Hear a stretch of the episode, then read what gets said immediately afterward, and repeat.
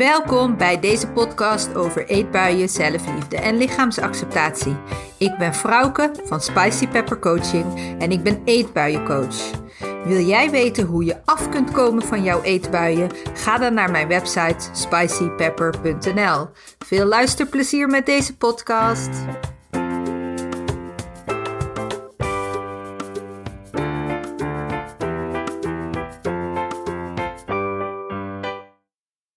Hey, superleuk dat je weer luistert.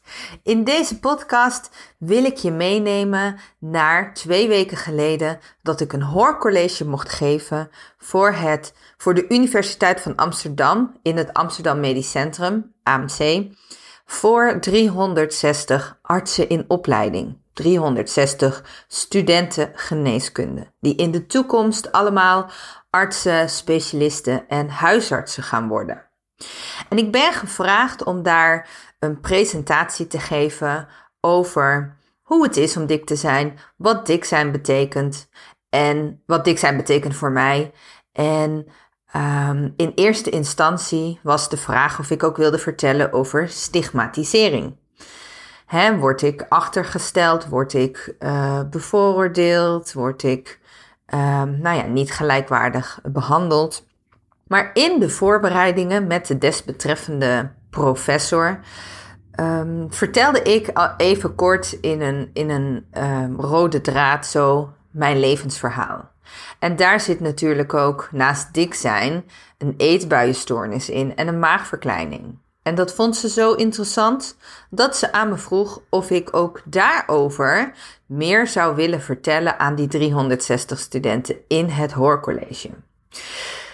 Ook vertelde ze dat het waarschijnlijk mogelijk was om het hoorcollege uh, op video op te nemen. Dat doen zij wel vaker. Maar op de dag dat ik daar aankwam, vertelde me ze dat het helaas niet ging lukken. Dat het door, um, nou ja, door een onmogelijkheid in het technische systeem niet ging lukken om mijn hoorcollege op te nemen. En dat is super jammer, want ik had daar natuurlijk heel erg op gehoopt. dan had ik de opname met je kunnen delen uh, in mijn Facebookgroep of op YouTube. Maar goed, dat is dus niet zo. En toen dacht ik, nou weet je, laat ik je dan in een podcast meenemen door mijn hoorcollege um, en door alles wat ik daar verteld heb. Ik moet daar wel bij zeggen, het was natuurlijk een hoorcollege waarin ik sta in een zaal vol hè, 300. Echt zo'n collegezaal was het, met klapstoeltjes en klaptafeltjes. En, en, en het zat helemaal vol met studenten, rijen dik. En uh, dat liep zo hè, als een tribune omhoog. Zoals je dus ook echt een collegezaal ja, op tv ziet of je voorstelt. Um, en ik stond daar en ik had een microfoon headset op, zo'n draadloze. Dus ik kon ook lekker over het podium bewegen. En achter mij was een heel groot scherm en daar had ik een presentatie op.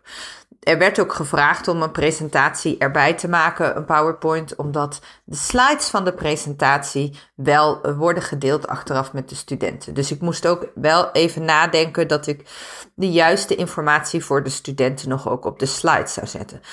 Op die slides laat ik ook een aantal foto's van mezelf zien. Maar goed, die kan ik dus nu niet zo goed aan jou laten zien, omdat deze podcast uh, auditief is en niet visueel. Maar goed, dan vertel ik je ook gewoon een beetje wat ik erbij liet zien. Nou, ik, ik, het, vooropgesteld, het was echt een hele leuke ervaring. En ik krijg daar echt energie van. En ik was nauwelijks zenuwachtig niet dagen van tevoren. Ik had prima geslapen. Ik was goed voorbereid, dus ik maakte me er ook niet druk om. En het verhaal dat ik te vertellen heb, is natuurlijk ook gewoon mijn verhaal, mijn visie, mijn missie. Dus nou, dat, dat stond gewoon zo uh, stevig als een huis. En ik was eigenlijk alleen een beetje zo een kwartier van tevoren toen we naar de zaal liepen. En, en ik al die mensen zag, dat toen even mijn hart in mijn keel schoot. En uh, gelukkig kan ik dat dan ook wel weer met ademhaling rustig omlaag krijgen. En ik heb me vooral gefocust op ervan te genieten en dat heb ik ook echt gedaan. Ik begon dus hè, met, met mezelf voor te stellen. Ik ben vrouw, ik ben 41 jaar en ik ben dik. Ik had een eetbuienstoornis en ik heb een maagverkleining. En ik begon te vertellen dat dik voor mij al een woord is dat geen enkele lading heeft. Net zoals iemand zou zeggen: ik ben lang of ik heb uh, uh, grote voeten. Of ik heb rode haren of ik heb sproeten. Dat is gewoon een gegeven. Uh, ik vond het belangrijk om dat tegen die studenten zo te vertellen, omdat ja, het zijn niet veel mensen voor wie zo'n woord geen lading heeft. En het gaat heel erg over ja, de lading die je er zelf aan geeft. Hè? Het is ook een stukje lichaamsacceptatie om voor jezelf te erkennen dat het is wat het is. Dus dat was ook mijn binnenkomer. Ik ben vrouwke, ik ben dik. En toen liet ik ze een slide zien met uh, de allereerste pagina uit mijn babyboek. En daarin zie je twee foto's van mij in een couveuse. Maar je ziet daar ook uh, bij staan een hele stevige meid. Heeft mijn moeder daar in letters bijgeschreven. En ik vertelde dat de verloskundige. Een van de eerste dingen die de verloskundige tegen mijn moeder zei toen ik geboren werd. Zo, dat wordt later een Mohammed Ali. Nou, we hebben het hier over 1980, hè? Uh, Mohammed Ali was een bokser. Een grote, uh, stevige, sterke man. En ondertussen komt er een sirene langs. Ik denk dat jullie die ook wel horen op de achtergrond. Maar ik ga gewoon even door. Uh, ik vertelde dus dat, dat dit ook het eerste, een van de eerste dingen was die ik hoorde toen ik op de wereld gezet werd. Zo, stevige meid, dat wordt later Mohammed Ali. En dat dit ook de eerste pagina van mijn babyboek is. En dat is dus ook de boodschap waarmee ik dus hè, de eerste, ja, de eerste, uh, nou ja, de, de eerste boodschappen die ik kreeg toen ik dus geboren werd. En dat heeft al best wel veel impact op een mensenleven, hè? want het gaat ook over hoe de samenleving je ziet, hoe je ouders erin staan. Uh, en hoe mensen dus kennelijk met je omgaan. De, daarna liet ik een foto van mezelf zien. En dat is een foto dat ik op de basisschool uh, een jaar of zes ben. Volgens mij zat ik in groep drie. En ik sta met een aantal klasgenootjes op het podium een ballet uh, uitvoering te geven. En al mijn klasgenootjes hebben mooie lichte zalmroze balletpakjes aan met zalmroze tutu-rokjes en zalmroze maillot eronder, behalve ik. Mijn balletpakje is donkerblauw. Mijn tutu is ook zalmroze, want die werd door één moeder voor iedereen gemaakt. En mijn maillot was knalroze.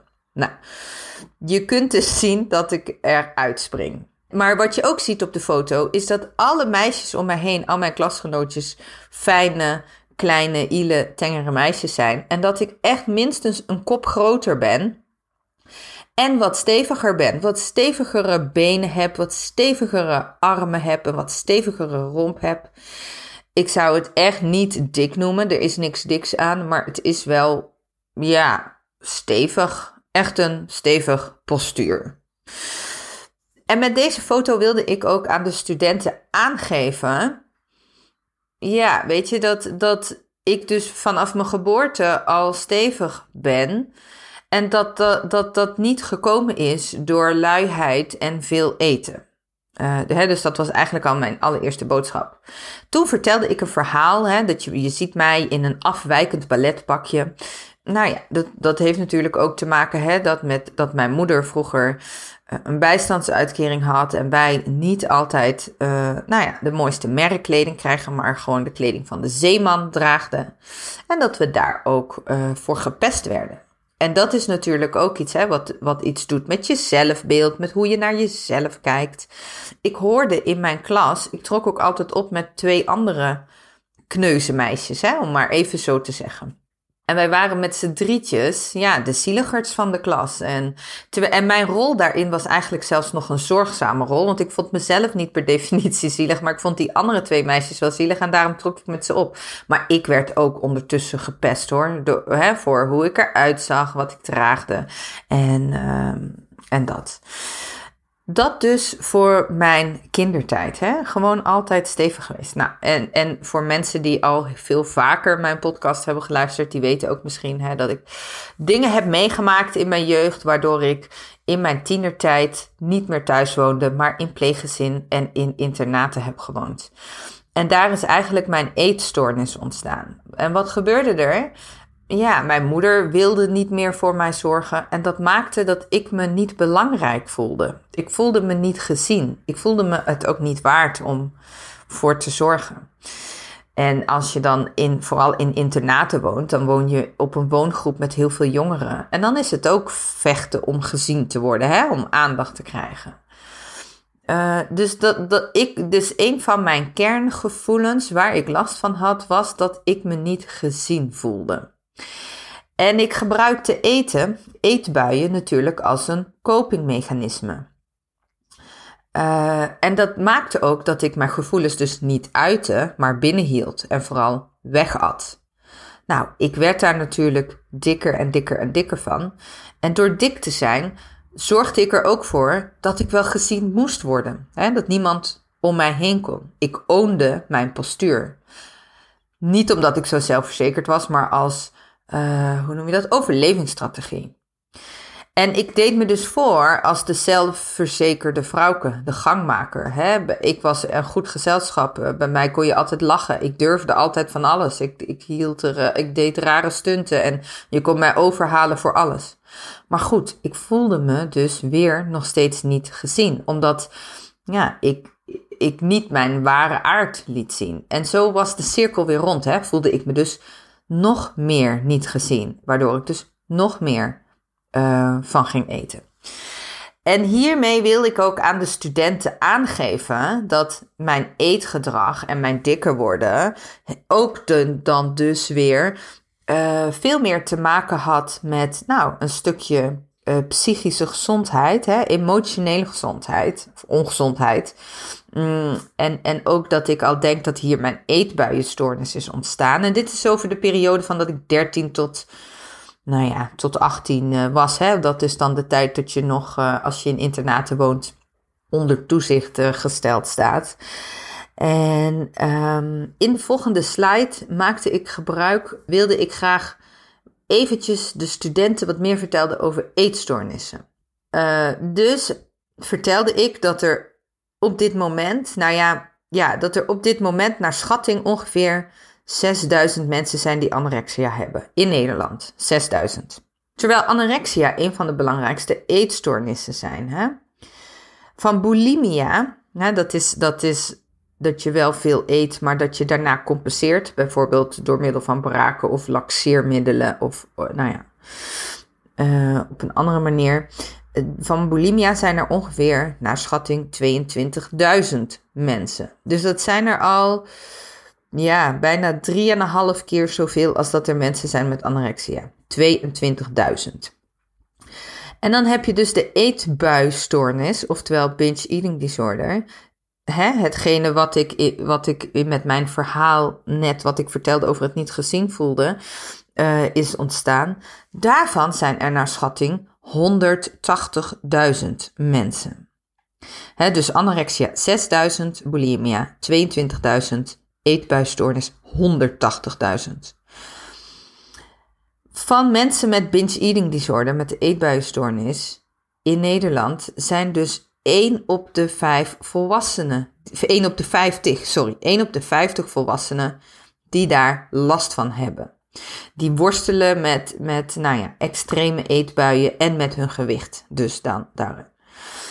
En toen vertelde ik de zaal, hè, er zitten hier uh, 360, uh, nou ja, hè, van jullie, 360 studenten. Dus waarschijnlijk zijn hier zeven mensen in de zaal die mogelijk een eetbuisstoornis hebben. Of misschien ook wel gewoon heel goed weten dat je een eetbuisstoornis hebt. Zeven mensen in deze zaal. Nou, daar schrok iedereen natuurlijk heel erg van. Uh, en toen gingen mensen ook wat meer roezemoezen. Want dat, dat is confronterend, hè? Dat is, dan wordt het concreet. Toen ging ik mijn verhaal verder om wat meer te vertellen over die periode na die, nou ja, basisschool, middelbare school, hè, dat ik op mezelf ging wonen. Uh, en dat is een periode van mijn 18 tot 26 jaar, waarin ik echt dikker werd door diëten. Ik ging naar de huisarts en ik kreeg van de huisarts pillen voorgeschreven, reductiel. Nou, ik heb dat natuurlijk in voorbereiding op mijn hoorcollege weer gegoogeld. En reductiel is in 2010 uit de markt gehaald omdat het zeer schadelijk bleek te zijn voor je hart. Nou, lekker dan. Dat heb ik dus uh, hele lange periode geslikt. Hè, op advies van de huisarts. Ook staat in de bijsluiter van Reductiel, die kwam ik nog tegen op internet, dat je het absoluut niet bij eetstoornissen mag gebruiken. Nou, als we dat hadden geweten, hè, als de huisarts wat meer tijd en, en nieuwsgierigheid had gestopt in mijn verhaal, ja, dan waren we misschien ook wel eerder bij de eetbuienstoornis uitgekomen. Nou, ik heb allerlei poeders en repen en shakes uh, geprobeerd, crashdiëten gedaan. ik vertelde over Cambridge, eiwitrijk dieet, ziekenhuisdieet, Montiac, South Beach. maar ik zag ook allemaal verbaasde gezichten. En toen dacht ik, oh ja, dit zijn natuurlijk ook mensen die stukken jonger zijn dan ik. En tegenwoordig zijn er natuurlijk hele andere soorten diëten. Um, want we hebben het hier natuurlijk over de periode 1998 tot 2006. En dat is natuurlijk ook al wel weer heel lang geleden. Diëtist ben ik regelmatig geweest. En toen vertelde ik ook tegen de studenten: ik vond het geen fijne ervaring. Want het waren heel vaak hele jonge, dunne, slanke dames die mij dan gingen vertellen wat ik moest doen. Nou, dat vond ik lastig. Weight Watchers ben ik vier keer op geabonneerd geweest. Ik heb in die periode ook stekkers geslikt. Dat is een smart druk. In die tijd waren smartdrugs heel populair. Uh, de basis van stekkers is, is efedrine.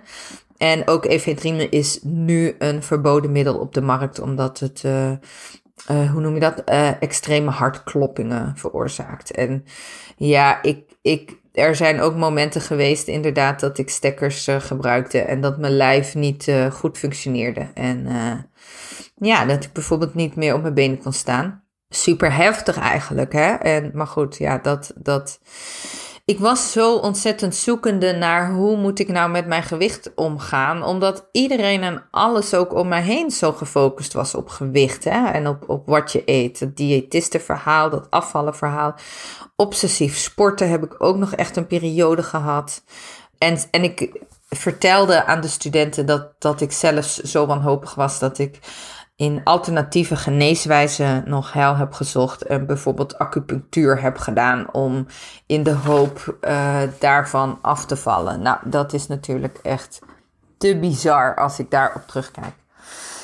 En toen liet ik de studenten een paar foto's van mezelf zien van toen ik 16 was, toen ik 19 was en toen ik 24 was. En, en wat ik daarmee wil laten zien, Um, nou ja, hè, is, is het visueel maken van wat juist het diëten en naar een diëtist toe gaan en uh, middelen gebruiken en pillers, uh, pillen en poeders, wat dat dan uiteindelijk met mij gedaan heeft. En, en, en daarna vertel ik ook aan de studenten, en dat is iets wat jij waarschijnlijk misschien ook al weet, nou misschien ook niet, is dat er ook diverse wetenschappelijke onderzoeken zijn die uitwijzen dat 95 tot 97 procent van crashdiëters weer aankomen op de lange termijn. er zijn meerdere wetenschappelijke onderzoeken die dat aantonen.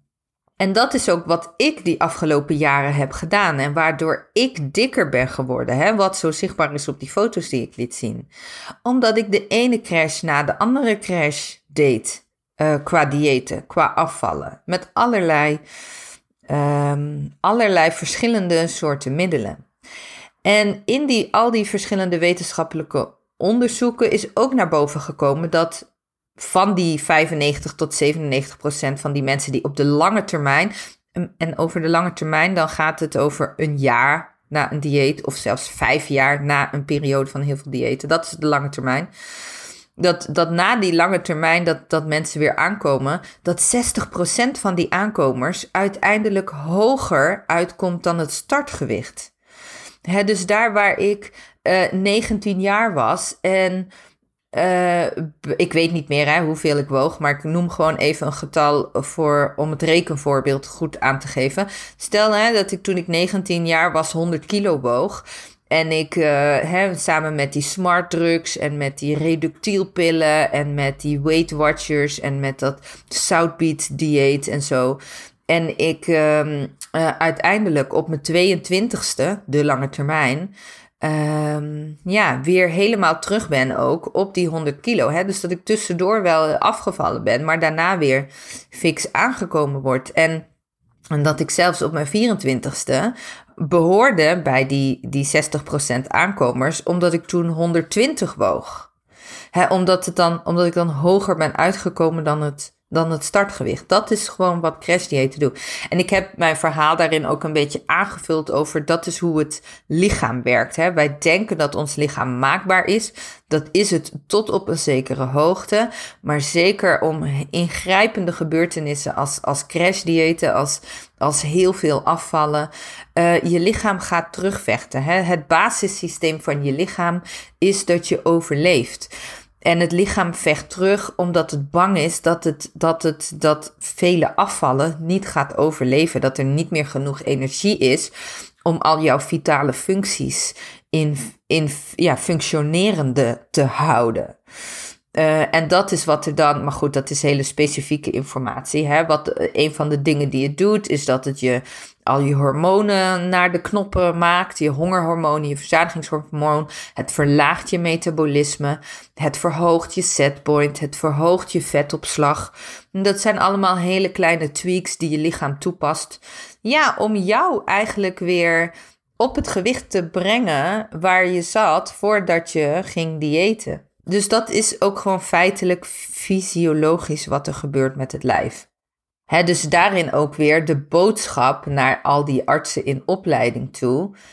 Ga niet zomaar iemand veroordelen op dat iemand niet genoeg beweegt of dat iemand te veel beweegt. Want er is zoveel meer aan de hand in je lijf, in al die processen die, die daar invloed op hebben.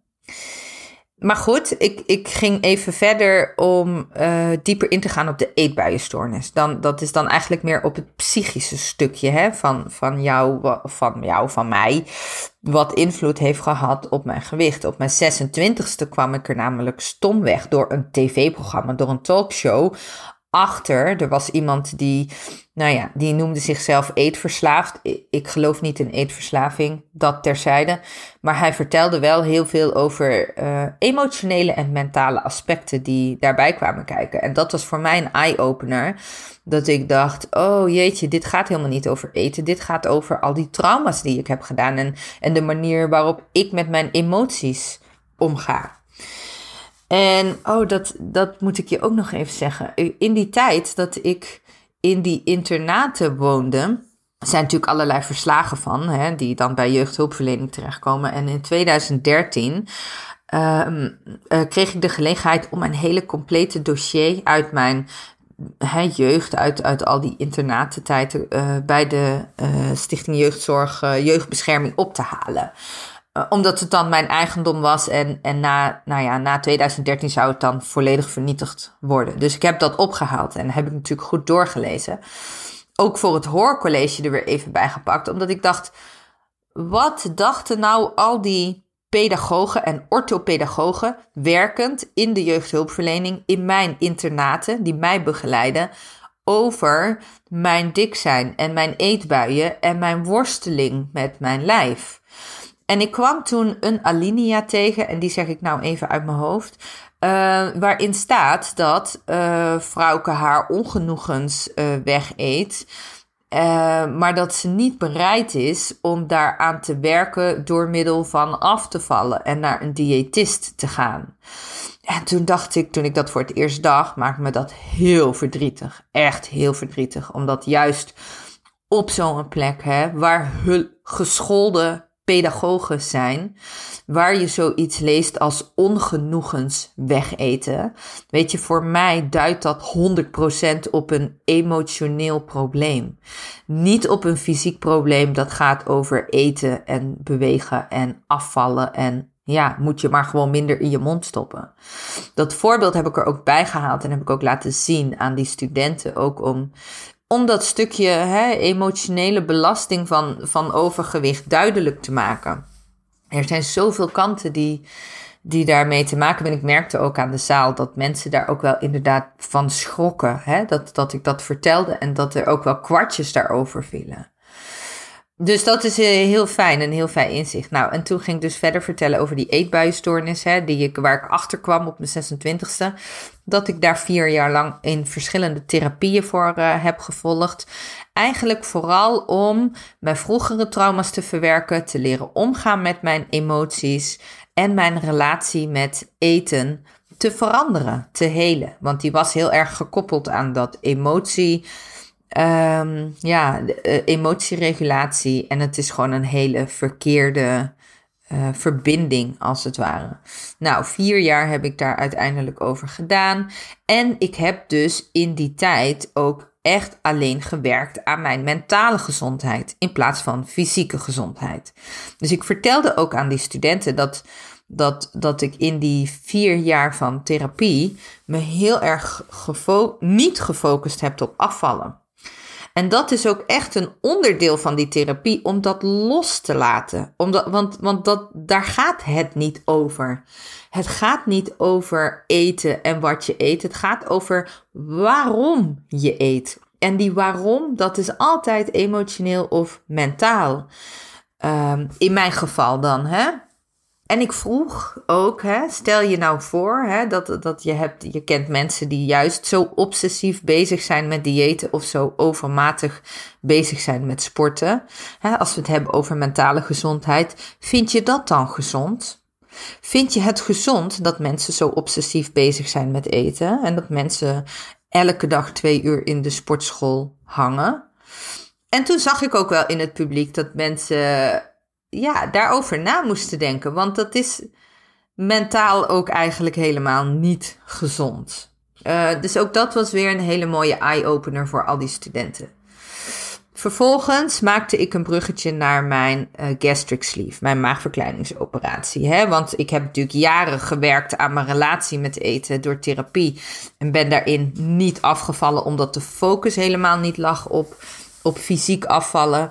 Um, maar goed, hè, het gewicht ja, liep toch uh, mondjesmaat omhoog. Dat is ook wat het lichaam gewoon doet. Hè, mijn setpoint was ook al die jaren door het diëten verhoogd. Dus mijn gewicht kroop ook omhoog. Waardoor ik op mijn 34ste besloot uh, die maagverkleiningsoperatie te doen. Wat eigenlijk helemaal niet mag na een eetstoornisverleden. Dus dat is al, ook al heel dubieus. Hè? Ik ben daar heel makkelijk door die selectieprocedure heen gefietst. Want ik was zo ontzettend dik. Dat afgaande op mijn BMI, waar ik overigens niet in geloof, maar hè, zo werkt het in de gezondheidszorg. Uh, uh, op basis van mijn BMI kwam ik onmiddellijk in aanraking voor zo'n operatie en werd er nauwelijks gekeken naar wat erachter ligt. En je merkt misschien ook een beetje aan mijn stemgebruik dat ik daar heel erg uh, verbaasd en ook eigenlijk een beetje boos over ben. Enfin, ik had het helemaal niet mogen hebben, maar ik heb hem toch uh, gekregen, de maagverkleiningsoperatie. nou, ik vertelde van hoeveel naar hoeveel kilo ik was afgevallen. Ik vind het niet relevant om dat hier nu in deze podcast te noemen. maar ik vertelde ook dat ik inmiddels heb geleerd dat de maagverkleiningsoperatie ook een soort crashdieet is. Je doet er ietsje langer over, want je doet er zo'n anderhalf tot twee jaar over om heel veel af te vallen. Maar ook hier weer is mijn maagkleinsoperatie is inmiddels zeven jaar geleden. En ook hierin is mijn ervaring dat juist op die lange termijn kruipt het gewicht weer omhoog, omdat het lichaam ingrijpt. Uh, het lichaam vecht terug. Hè? En dat merk ik ook door bijvoorbeeld heel veel haarverlies. Uh, mijn, mijn haarbos is absoluut niet meer zo mooi en, en dik en dicht begroeid dan dat het vroeger was. Uh, ik heb een periode van een aantal jaar gehad dat ik heel gevoelig tandvlees had en dat ik regelmatig naar de mondhygiënist moest daarvoor. En het heeft te maken met als je zo snel en zoveel afvalt door zo'n operatie, dat je lichaam op zoek gaat naar andere energiebronnen in je lijf. En dat zijn de energiebronnen van, nou ja, je haargroei, van je, van je gebit, van je tandvlees en van je nagels. Ik heb alleen zelf met mijn nagels nooit echt last gehad. Er zijn mensen die dat wel hebben, die veel kwetsbaardere, of hoe noem je dat? Ja, waarvan nagels vaker afbreken of, of echt ja, nagels zo eraf gaat. Dat kan gebeuren. Nou, van dat snelle afvallen uh, krijg je huidplooien, hè, want je huid is zo uitgerekt en groeit. Ja, krijgt ook niet eens de tijd om, om weer rustig mee terug uh, te groeien. Uh, slappe core heb ik. Dat betekent slappe buikspieren, slappe rugspieren. Die voelen voor mij als losse snaren van een gitaar. Omdat al dat vet heel snel verdwenen is. Hè? Ook mijn romp en, uh, en die spieren. Ja, die zijn daarin ook niet mooi geleidelijk mee aan um, ja, strak gebleven. Dus denk dat dit een klacht is waar ik de rest van mijn leven last van hou. En ik moet mezelf daarin onderhouden door ja, wekelijks naar Pilates te gaan. Om daar mijn buik- en rugspieren bijvoorbeeld te doen, te onderhouden. En het geeft me met regelmaat nog, nog rugpijn. En afgelopen weekend heb ik in de tuin uh, gewerkt. En hm, dan zit ik op mijn knieën voorover gebogen. Heb ik uh, bollen geplant en onkruid getrokken. En, en het eerste ja, wat me dan pijn gaat doen is mijn rug. Dus dat komt ook echt daarvan. Uh, koude voeten heb ik al jaren. Dat heeft met het metabolisme te maken, met een slechte bloedsdoorstroming. Dus ik slaap ook al zeven jaar elke avond met een warme kruik bij mijn voeten in bed. Ik heb allerlei eetregels nog steeds die gaan over eiwitten. Want als je zo'n operatie hebt gehad, dan moet je elke dag heel bewust zijn dat je genoeg eiwitten binnenkrijgt. Uh, en je moet levenslang supplementen slikken.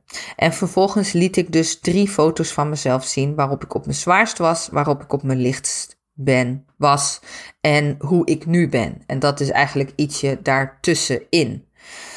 En ik vertelde in dat verhaal ook hè, dat dus die gastric sleeve, die maagverkleiningsoperatie, dat dat echt gezien wordt als een holy grail, als dat het goed is voor je gezondheid. Maar ik heb dus ook een hele lange lijst met andere nieuwe klachten erbij opgenoemd. En ik maakte de opmerking, nou, super gezond hè, zo'n maagverkleining, maar niet heus. En ook dat begrepen alle studenten in de zaal. Nogmaals moet ik zeggen, hè, uh, er zijn mensen voor wie maagverkleiningsoperatie uh, een prima hulpmiddel zijn. Als je geen gedoe hebt met eten, geen trauma's hebt daarover, geen uh, dieetgeschiedenis hebt, hè, waardoor en je setpoint en al je verzadigings- en hongerhormonen al naar de Filistijnen zijn. Dan is het een goed idee. Maar als je ook maar iets van gedoe rondom eten en je lijf hebt, dan is het geen goed idee. In mijn persoonlijke ogen. Na een maagverkleiningsoperatie heb je namelijk nog steeds gedoe met eten. Daar kom je nooit meer van af. Wat er ook is bij veel maagverkleiningen, en dat verbaasde ook alle studenten in de zaal, is verborgen alcoholisme. Mensen die emotioneel gedoe hebben met eten, emotieeters zijn of, uh, of eetbuien hebben of eetbuistoornis hebben gehad en dat soort gedoe hebben met eten en door een maagverkleiningsoperatie niet veel meer kunnen eten, gaan hun hel zoeken in alcohol, in vaker drinken, elke dag uh, iets drinken. Nou goed, je kan, en dit is echt iets wat heel onbekend nog is. Het lichaam vecht terug. Nou, dat heb ik dus ook al verteld. Hè. Zeker bij mensen met maagverkleiningsoperaties komt 50% komt daar ook gewoon weer van aan in een hoger of nee, niet, ik zeg het verkeerd. 50% van die mensen met maagverkleiningen komen sowieso aan, sowieso meer aan dan dat ze willen, omdat het lichaam terugvecht.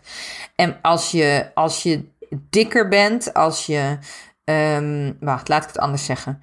Er is een verschil in lijven of je nou een maagverkleiningsoperatie doet wanneer je 110 kilo weegt. 110 kilo is in mijn persoonlijke ogen niet zoveel.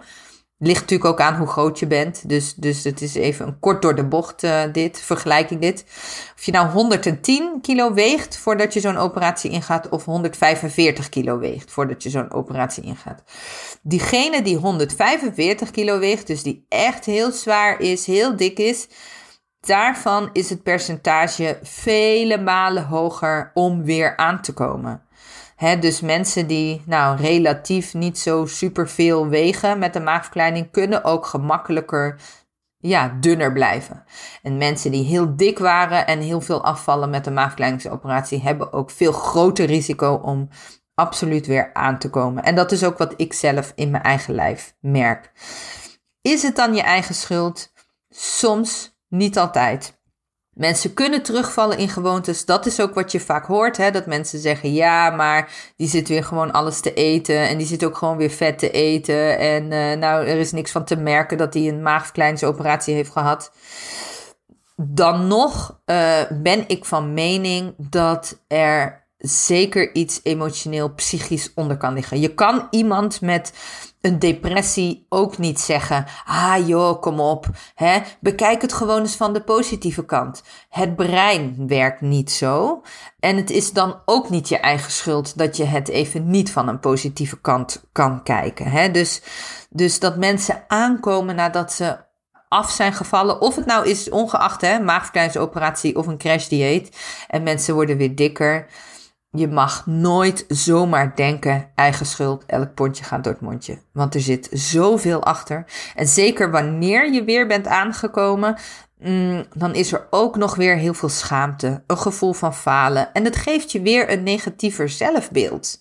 En wat doe je met een negatief zelfbeeld? Jezelf wegstoppen, je gevoelens wegeten. Hè? Dus dan kom je ook eigenlijk weer terug in zo'n visueuze cirkel.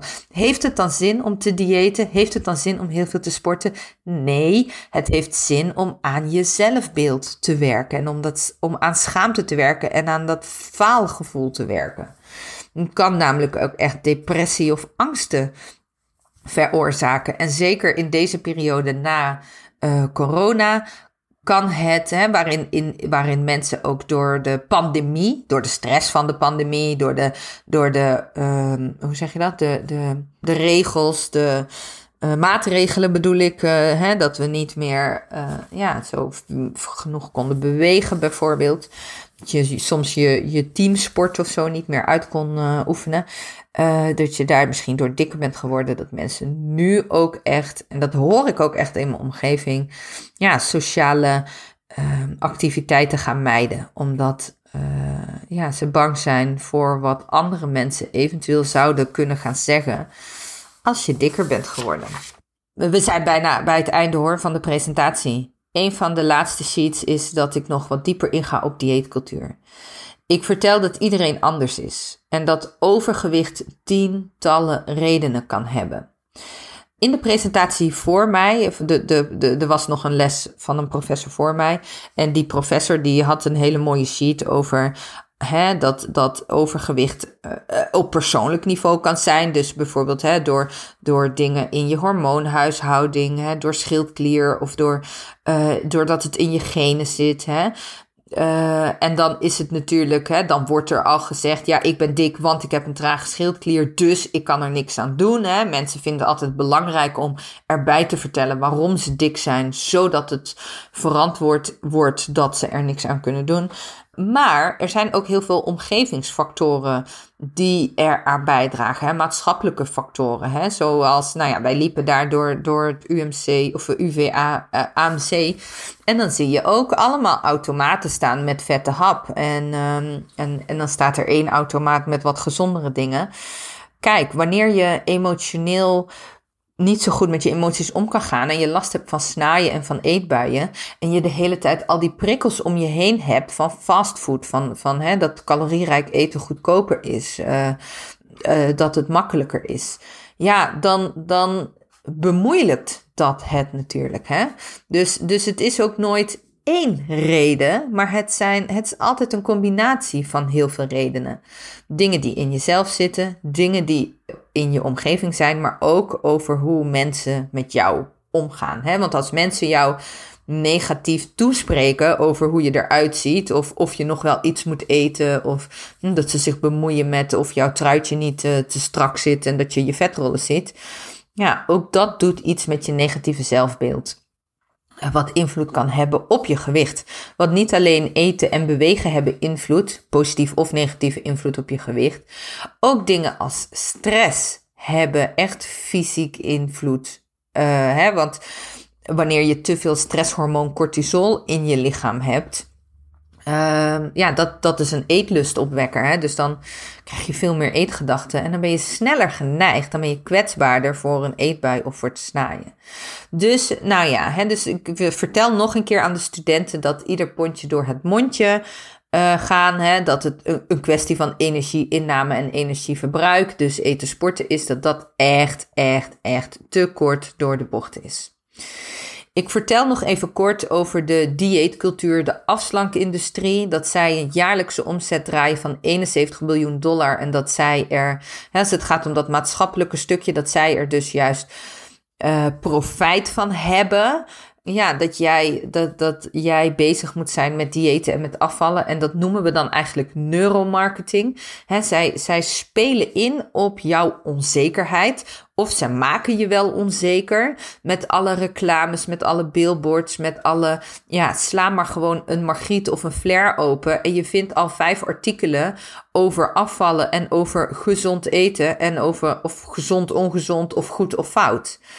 Uh, en over je lijf. En, uh, en, en de mode-industrie, hè, bijvoorbeeld, die heel erg ingericht is op, nou ja, op, op kleinere maatvoering. Hè, dus zij spelen in op jouw onzekerheid en op jouw pijn, zodat jij vervolgens hun product gaat kopen en zij geld aan jou verdienen. Bieden zij echt de oplossing? Nee, want de wetenschap heeft aangetoond dat je van, van die dingen uit dieetcultuur, of het nou Cambridge één op één personal body plan is, of, of Weight Watchers of whatever, uh, dat je daar op de lange termijn niet dunner van blijft. Dus het is bullshit. Uh, en zo denk ik ook over maagverkleiningen. Er wordt te licht over gedacht. Het wordt te makkelijk mee omgegaan. Maagverkleiningen is een cash cow voor ziekenhuizen. Er worden daar miljoenen euro's mee verdiend. Ook voor uh, verzekeringsmaatschappijen. En het is geen magisch wondermiddel. Het is echt geen oplossing als je dik bent omdat je gedoe hebt met eten. Nogmaals, het gaat niet om wat je eet, maar het gaat om waarom je eet. En ik stelde de, de studenten hè, even de vraag: uh, moet ik nog afvallen? Want eigenlijk, ik ben nog steeds dik. Mijn BMI hè, even in studententaal, niet dat ik geloof in BMI, maar om hen eventjes hè, die beproeving te geven. Mijn BMI is te hoog. Hè? Moet ik nou nog afvallen na mijn verhaal? En toen merkte ik dat mensen inderdaad reageerden van, nou weet ik inderdaad eigenlijk niet. Want ik heb net geleerd dat ik nog te weinig over je weet om daar echt iets over te kunnen zeggen. Misschien is het helemaal niet slim om nog te focussen op af te vallen, omdat het je eetstoornis triggert. Nou, superwijze opmerking. Dus het is heel belangrijk ook om te kijken waar je vandaan komt. Hè? Um, ja, wat al die achterliggende dingen zijn. In mijn persoonlijke geval, ik, hè, ik kom van heel, heel, heel dik. Uh, dus, dus hoe ik nu ben, is nog steeds minder dan hoe het vroeger was. Kan ik daar dan niet gewoon oké mee zijn? Mag ik dan ook niet tegen mezelf zeggen: ik stop nu met het veranderen van mijn lijf? Ik accepteer dat het is wat het is. Dat is ook oké. En weet je, wat weegt ook zwaarder? Hè? vroeg ik aan de studenten. Hoe belangrijk is fysieke gezondheid ten opzichte van die mentale gezondheid? Nou, daar moest ook wel inderdaad even over nagedacht worden. En ik sloot mijn presentatie af met mijn boodschap aan jou is: wees oprecht nieuwsgierig. Tegen de groepen mensen die je gaat helpen later, tegen de individuele patiënten die je gaat hebben in de spreekkamer. Wees oprecht hè? En, en je voelt dat in verbinding met elkaar. Hè? Wanneer iemand echt oprecht geïnteresseerd is in jou. Vraag naar het verhaal eronder. Vraag naar hoe iemand zich voelt. Vraag naar wat iemand zijn gedachten ergens over zijn. En wees niet bevooroordeeld en stigmatiserend. Vraag door zonder oordeel, want, want het is nooit één reden uh, waarom iemand dik is. En soms is het ook zelfs de vraag: moet je daar nog iets aan willen veranderen? Kun je daar ook, kun je iemand ook vitaal maken? Hè? Dan noem ik het maar even zo. Nou ja, mentaal en fysiek uh, gezond maken zonder te focussen op hoeveelheid vet dat iemand heeft. Nou, toen was de presentatie afgelopen en toen mochten studenten nog vragen stellen. Dat was heel leuk. Eén uh, student stelde mij de vraag: als u nu nog een maagverkleining zou uh, kunnen nemen, zou u dat dan doen? Hè, met alles dat u geleerd heeft? En toen heb ik ook heel eerlijk gezegd: dat vind ik een hele moeilijke vraag. En mijn antwoord is misschien een beetje 50-50, want ik weet ook wat het doet met je lijf. En nu ik deze podcast inspreek, ben ik ook wel weer geneigd om meer naar, naar nee uh, te hangen, om het niet te doen. Uh, omdat er nu ook wel, als het gaat om, om gewichtsbeheersing, uh, meer aandacht is voor de lange termijn preventie, hè, de leefstijlinterventie. Um, die in de basisverzekering is opgenomen, die je via de huisarts zou kunnen krijgen. En dat is dan vaak een traject van twee tot drie jaar in een groep dat je werkt aan, nou ja, aan voeding, aan bewegen, maar ook aan de sociale aspecten en de emotionele aspecten uh, van lekker in je vel zitten en goed voor jezelf kunnen zorgen. Dus nu, als je het me nu op dit moment zou vragen, dan zou ik waarschijnlijk nee zeggen. Er was ook iemand die wat vroeg over body positivity. Hè? Hoe sta ik daarin? Dat er nu wat meer aandacht is voor body positivity. Nou, hij noemde dat er meer grote maten kleding bij Zalando uh, te verkrijgen is. En uh, toen zei ik, nou, dat vind ik heel belangrijk, want inclusiviteit staat voor mij voorop. Iedereen verdient een plek in onze samenleving. En als het voor jou moeilijker is om onderweg naar een volgende afspraak even een nieuwe panty in de stad te kopen, omdat je maat 56 hebt, ja, dan is dat heel erg. Dus dat er, dat er meer ruimte ontstaat voor dikke mensen in de samenleving vind ik heel erg goed. Ik vind nog steeds dat er te weinig, ondanks alle ontwikkelingen, vind ik dat er nog steeds te weinig ruimte is voor dikke mensen. En toen vroeg iemand mij ook nog, um, even denken hoor, ja, dat ging over de huisarts en of huisartsen tegenwoordig meer oog hebben voor de psychische kanten van, van nou ja, dit van dik zijn. En nou ja, toen moest ik eerlijk zeggen, dat weet ik niet. Want ik ben eigenlijk al jaren niet meer bij de huisarts geweest voor mijn lijf of voor klachten of voor overgewicht. Uh, het is nu wel zo dat huisartsen tegenwoordig praktijkondersteuners hebben uh, vanuit GGZ, geestelijke gezondheidszorg. Dus je kunt ook makkelijker naar de huisarts om over emotionele problemen te praten. Want dan kom je dus bij die praktijkondersteuner van de huisarts terecht. Dus ik denk wel dat daar um, nou ja, afgelopen jaren ontwikkelingen in gedaan zijn. Maar goed, hè, heb je echt een eetbuisstoornis, dan heb je niet genoeg aan de praktijkondersteuner. Zul je toch moeten worden doorverwezen. Uh, of zelf hulp zoeken. Meestal als je wordt doorverwezen naar GGZ-achtige uh, instanties, dan zijn er hele lange wachttijden. En dat is dan weer het volgende probleem. Tot slot vroeg de professor ook aan mij: wat had jij nodig gehad toen je 14 jaar was? En mijn antwoord was dat ik had gewild dat mijn huisarts mij gezien had.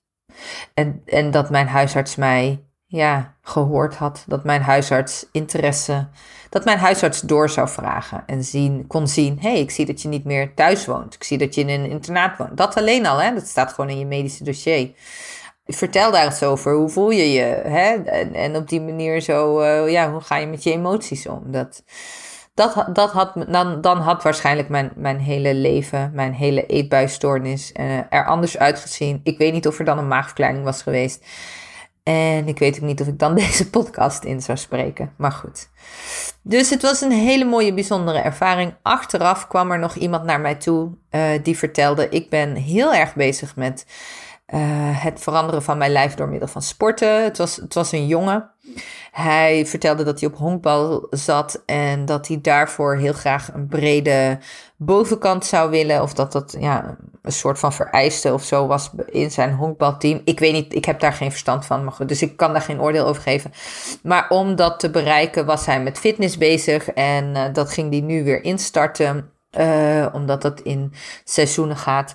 En dan gaat hij ook weer ja, met eten aan de gang en met eten stapelen. En dat vond hij eigenlijk niet zo leuk, niet zo fijn. En hij vroeg mij, vrouwke, uh, dat obsessieve bezig zijn met sporten, zou je dat eigenlijk kunnen vergelijken met eetbuien? Supergoeie vraag. En um, nou ja, nogmaals, hè, ik, ik zei tegen de jongen, ik ken je niet goed genoeg, ik weet niet wat er in jouw kopje speelt. Mijn advies aan jou is, Check elke keer bij jezelf in. Sta ik achter wat ik doe en voel ik me daar fijn bij? En hij zei: Ja, ik voel me helemaal eigenlijk niet fijn met dat, bij dat stapelen met eten. En, en ik wil lekker honkballen, maar ik wil helemaal niet zo bezig moeten zijn met het breder maken van mijn lijf. En toen zei ik: Nou ja, weet je, ons contact is te kort om daar dieper op in te gaan, maar ik, ik zou je echt willen vragen om daar heel goed over na te, te denken. En daar ook met andere mensen over van gedachten te wisselen. En, en voor jezelf voor ogen houden. Um, ja, waar je nou blij van wordt. Want uiteindelijk is, is de bottom line dat we uh, allemaal dingen doen in ons leven waar we ons fijn bij voelen en waar we gelukkig van worden. En niet dat we dingen doen in ons leven die ons alleen maar ellende en onrust en frustratie geven. Hè?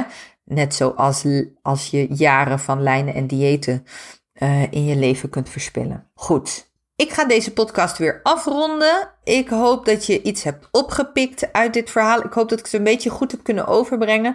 Het is natuurlijk lastig om dit zo uh, uh, vertellend te doen zonder slides en sheets en foto's te laten zien. Maar ik ben benieuwd wat voor jou een goed inzicht is geweest. Ik hoop in elk geval dat ik vaker op scholen en universiteiten en hogescholen mijn verhaal mag delen of iets mag vertellen over dik zijn, over gezond ongezond, over dieetcultuur. Mag ook gaan over eetstoornissen, over maagverkleiningen. Ik heb er heel veel over te vertellen, over gewichtstigma.